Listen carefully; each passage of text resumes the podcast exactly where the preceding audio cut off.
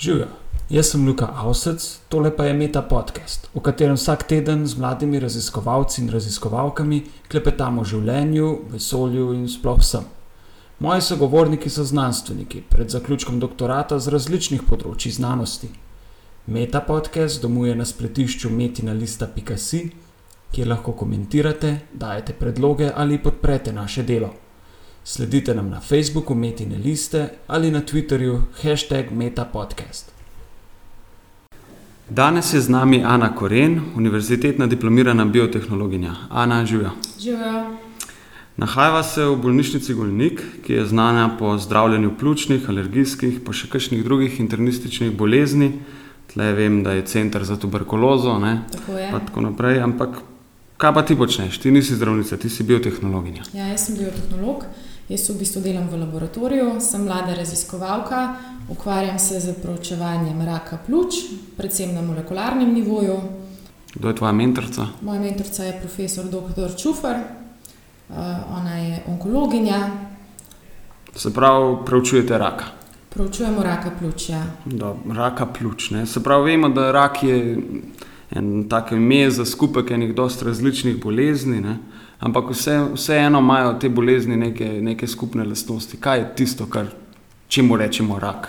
Ja, v bistvu rak gre, mislim, tako kot si rekel, gre za en skupek bolezni, ki jim je skupno to, da v bistvu vedno celica nekako uide svojemu normalnemu razvoju in se začne neomejeno podvojevati, kar v bistvu uh, vodi v nastanek tumorja. Ne?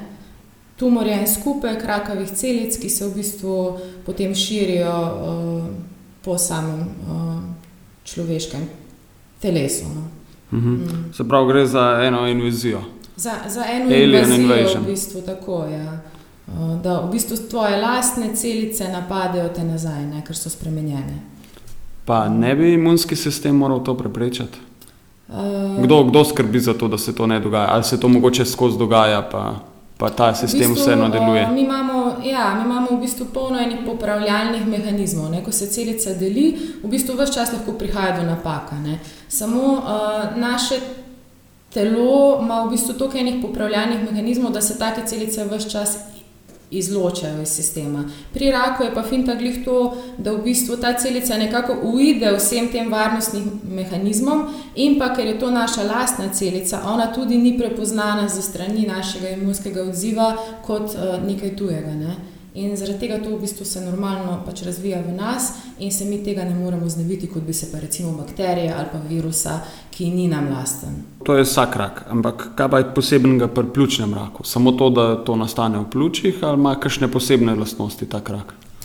Nekako rak je rak, ne? zdaj so pa seveda niso pa, pa vsi enaki. Ne? Za raka pljuč je v bistvu značilno, da zelo hitro metastazira. No? Kar pomeni, da uh, To pomeni, kaj je. Da se, To, to v bistvu pomeni, da se pač razširi. Ne? Uh, Da iz tistega enega tumorčka, ki je v pljučih, zelo hitro v bistvu nastanejo metastaze. To so pa v bistvu novi tumori, ki niso na pljučih, ampak so recimo uh, vem, na kosteh, jetrih. In v bistvu to je tudi glavni razlog za, za v bistvu to visoko smrtnost, kot jo ima pljučni rak. Mhm, se pravi, to vemo. Ne? Rak, je, rak pljuč je v bistvu kar pogosta bolezen, pa tudi kar Ja, v zelo bistvu- visoko smrtna. Ne? Ja, v bistvu je pljučni rak je najpogostejši vzrok smrti zaradi raka v svetovnem merilu. Oh, In nekako povprečno petletno preživetje z rakom pljuča je manj kot 10%. Se pravi, manj kot 10% bolnikov, ki so uh, oboleli za rakom pljuč, bo živih po petih letih. Mhm. Se pravi, da je malo o tem, zakaj je ta smrtnost tako visoka, zakaj je um, to tako težko. Se pravi, rekla si, da, da rak metastazira, se pravi, da se razseje po telesu. Razseje, ja. Kako to, kako to dela? Vem, da ti preučuješ to. Ne? Ja, v bistvu pač sami mehanizmi obstaja seveda več hipotez, ne, kako bi to naj potekalo. Ena od hipotez je, da je v bistvu za razsoj raka odgovorna epitelno-mezenhimska tranzicija. Uh, Epitelno-mezenhimska tranzicija je v bistvu en uh, proces, ki je normalno prisoten v zelo zgodnih stopnjah embrionalnega razvoja. V zadnjem času pa se je pokazalo, da se lahko ta program epitelno-mezenhimske tranzicije aktivira tudi med metastaziranjem rakov. Uh, in v bistvu je v povezavi z nastankom lastnosti, ki spominjajo na rakave matične celice. Se pravi, Se pravi to zdaj imamo že polhem besed, ki jih ne razumem. Najprej je pintelno-mezenhimska tranzicija, kako ne si to predstavljamo. Kaj, to kakšen v bistvu proces gre, je to? Ja, to je v bistvu gre za en program, razvojni program, kjer v bistvu celice se spremenijo, ne, zaradi tega je tranzicija, spremenijo svoj videz iz epitelnega videza v mezenhimski videz. Uh mhm. -huh. Epitelne celice so v bistvu take, uh, so, so v bistvu, ne vem, naše kožne celice so epitelne, tudi recimo pljučne celice so epitelne uh, in imajo določeno morfologijo. Ne. Uh, Medtem mezenhimske celice so pa v bistvu za njej pa značilno, da so bolj v bistvu take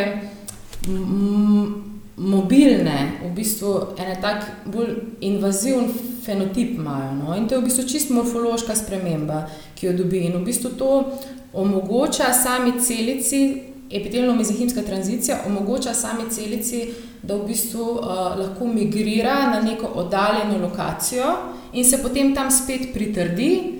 Uh, In v bistvu je pač tisto, kar je bila prej, pač prednja šla čez epitelno-mezehimsko tranzicijo.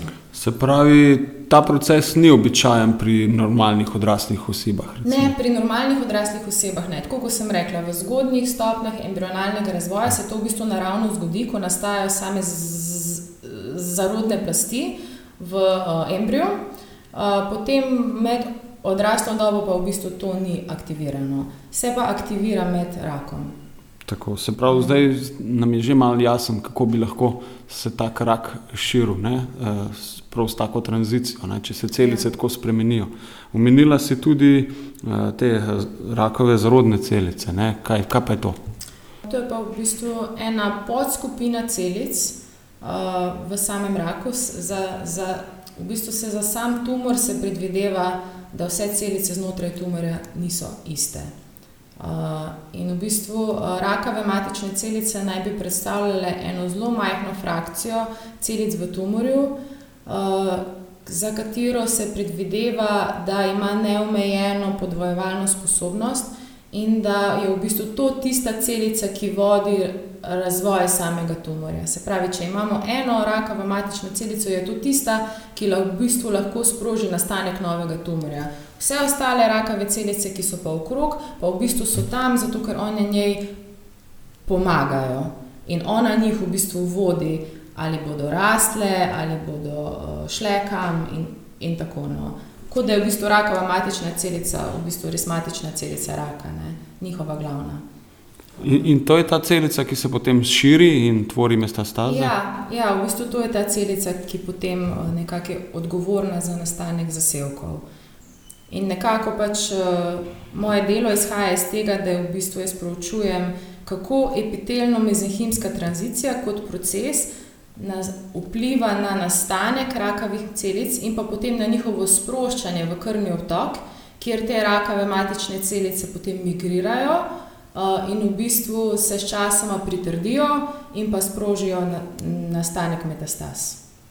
V redu, to je zelo zanimivo. Kako pa zdaj to preučujete? Ne? Se pravi, tako lajično bi si mislil, človeka se odpre, pogleda se kam noter, ampak je to tvoj običajen dnevni postopek? Ne, seveda ne. To ni moj običajni postopek.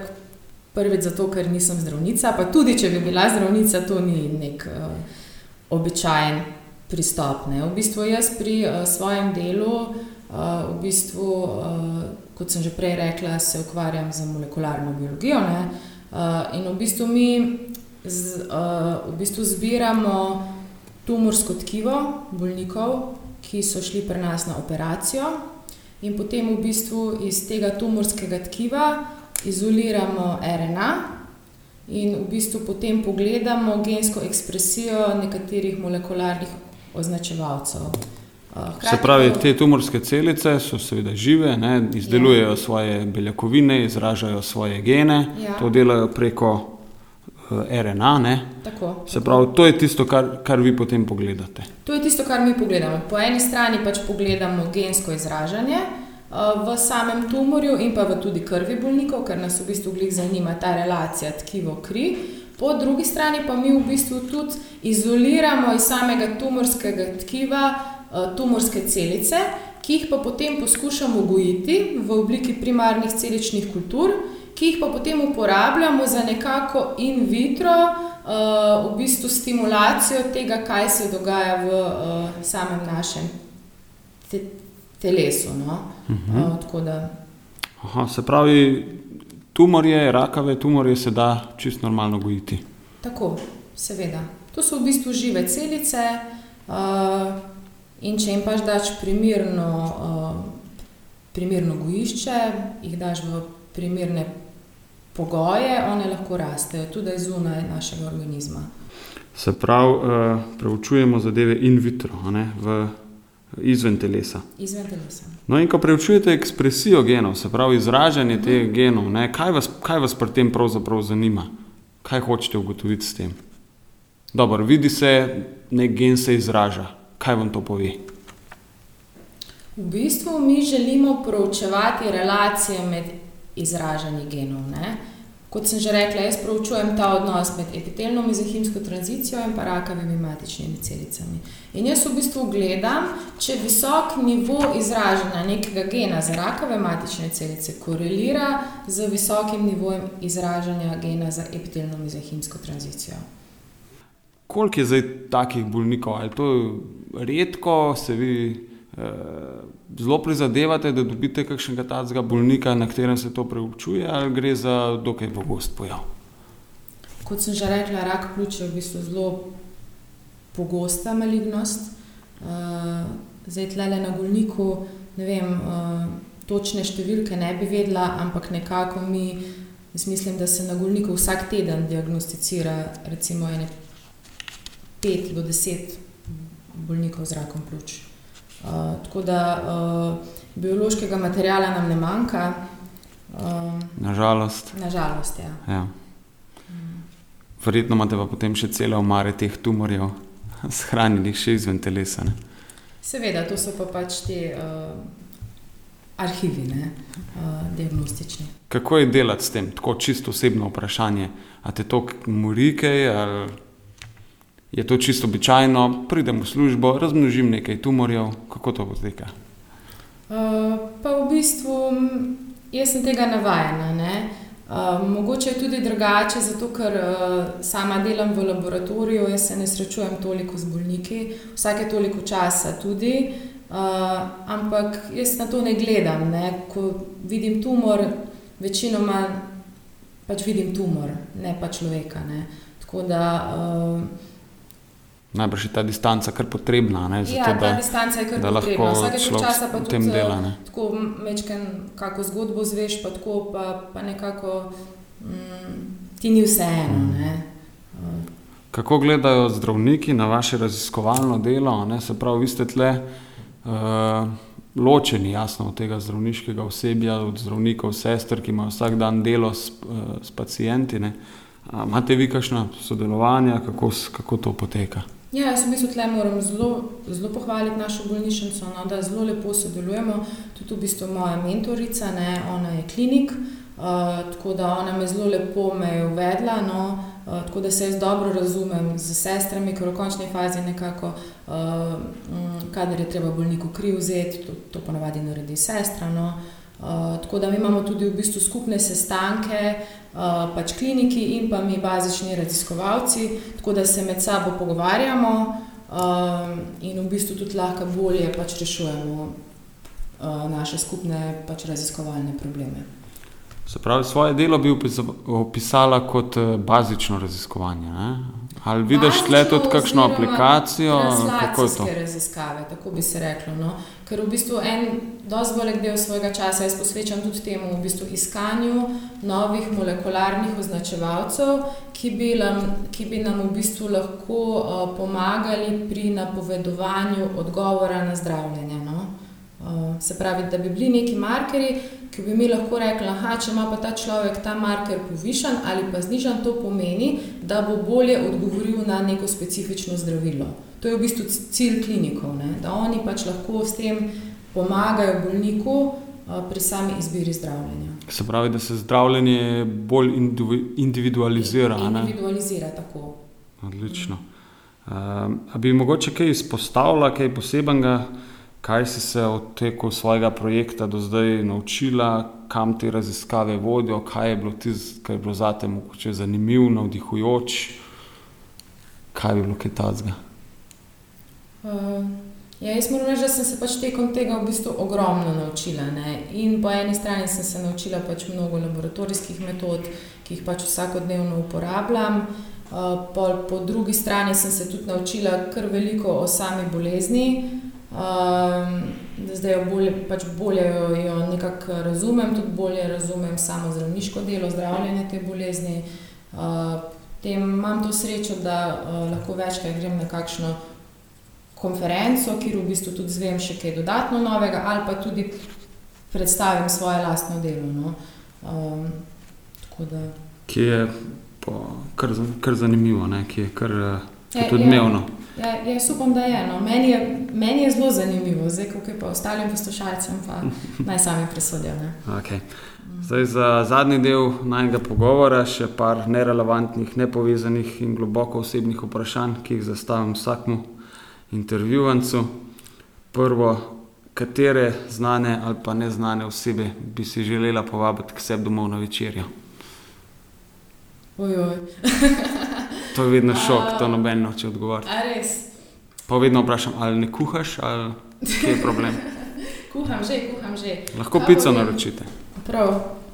Katere, ja ne vem, mogoče Bon Jovi, ja, ne vem, on je meni vedno tako, pač, že od malega, ne vem, sem ga rada poslušala, uh, tudi sem že bila na dveh njegovih koncertih. Pa še pico ima rad. njega. Pa še pico ima sigurno No, rad, ker je iz Amerike, Uh, katere teme poleg znanosti se ti še zdijo zanimive? katere teme? Uh, Bon Jovi, Ja, ne vem, no, pač jaz se drugače rada ukvarjam s športom. No. Tako da pač večino prostega časa, ki mi ostane, nekako, ko prijem domov iz službe, uh, oziroma vikende, nekako izkoristim tako, da grem večkrat v hribe, zdaj poleti se tudi malo surfam, po zimi se smučam. Tako da to mi nekako pač kroji uh, moj prosti čas. a je urnik raziskovalca sicer naporen, kako bi rekla? Ja, to ni urnik od 8 do 4. ne. Uh, tako je, pač, uh, včasih je treba tudi vikende delati, sploh to, kar delaš s celicami. Ne? Celica uh, njo, njo ne zanima, če imaš ti dopustne. One glih tako rastejo in v bistvu uh, moš priditi, jim zamenjati gojišče, jih presaditi. Tako da to ni pač neko delo, ki bi bilo uh, strogo v nekih urah. Ne? Uh, Je pa tako, da pa pol tudi včasih je pa tako, da si pa lahko vzameš recimo dva tedna frajne, pa pač čist, čist nekako se odklopiš. Ne. Ti je lažje izbrati najljubše živo bitje, umetniško delo ali glasbeni komat? Mogoče glasbeni komat. Bon Jovi. ne, ne vem, če se ja, zelo tako izpadlo, kot da sem Bon Jovi poslušal.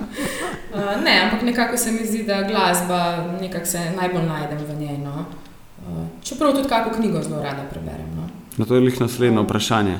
Eh, Kaj si na zadnje prebrala za zabavo ali pa No. vsaj izven eh, svojih službenih obveznosti? No, zdaj sem v bistvu ravno se vrnila z dopusta, no? uh, tako da zdaj na morju sem brala knjigo uh, Poletje brez moških. Se tako smešno sliši. no. Poletje brez moških, super, je, super naslov. Mislim, da bomo to, to priporočili našim poslušalcem. No, no, ampak Okay. Uh, kje se vidiš čez pet let ali pa čez eh, 40 let? Čez pet Ja, let boš v ne. neki novi službi, čez 40 let boš še v službi. verjetno jaz upam, da bom še v službi. No? Zdaj, trenutno, tako kot si, to, jaz v bistvu kar rada delam raziskovalno. Tako da nekako se vidim, da bi ostala v teh vodah. No? Upam, da. Uh, da bi še vedno nekako uh, se ukvarjala z raziskovanjem. Zdaj ne vem, ali bo to še vedno rak pljuč, ali bo mogoče kakšen drug rak, ali, ali bojo mogoče ne vem, matične celice na splošno. To nekako je neko področje, v katerem se jaz gibljem že od diplome naprej in v katerem se tudi v bistvu zdaj že kar znajdem. No. Uh, tako da bomo videli. Mogoče pa tudi, da me pot zanese kam v industrijo. Tudi Pa se vidiš uh, no. ostati v Sloveniji, te mika tujina. Uh, pa v bistvu sem že bila predtem nekaj uh, pač v tujini in mi je v bistvu bilo zelo všeč takrat v Ameriki. Uh, tako da nimam nobenega strahu pred tem, da bi kam šla. No? Uh, se mi zdi pa vseeno dobro, da pač mi znanstveniki nekako najprej poskušamo najti delo doma in da v bistvu s tem nekako spodbujamo našo lastno raziskovalno dejavnost. In še mogoče zadnjo, si želiš več prostega časa in kaj bi z njim? Uh, pa tako. No. Uh, v bistvu se mi zdi, da ga imam kar dovolj, po eni strani, po drugi strani bi mi bilo pa v bistvu všeč, če bi mogoče kdaj imela malo več dopusta, ker zelo rada kam grem, tako da nekako daljšo potovanje je krfino, če lahko greš recimo za cel mesec, ne, uh, pa pol ti, ti že na koncu leta malo zmanjka dopusta za to. No. Z nami je bila Ana Koren. Ana, hvala lepa. Hvala lepa tebi. Poslušali ste Meta podcast. Pohvale, pripombe in predloge za bodoče goste nam lahko posredujete tudi po e-mailu na znanostafnametina.si, sicer pa nas poiščite na Facebooku Metine liste in na Twitterju, kjer mene najdete kot @inlife, čivki v podkastu pa ima hashtag metapodcast. Vse oddaje s povezavami na domače branje so doma na spletnem portalu metina.si, kjer lahko ta projekt tudi finančno podprete. Hvala in naslišanje prihodnjič.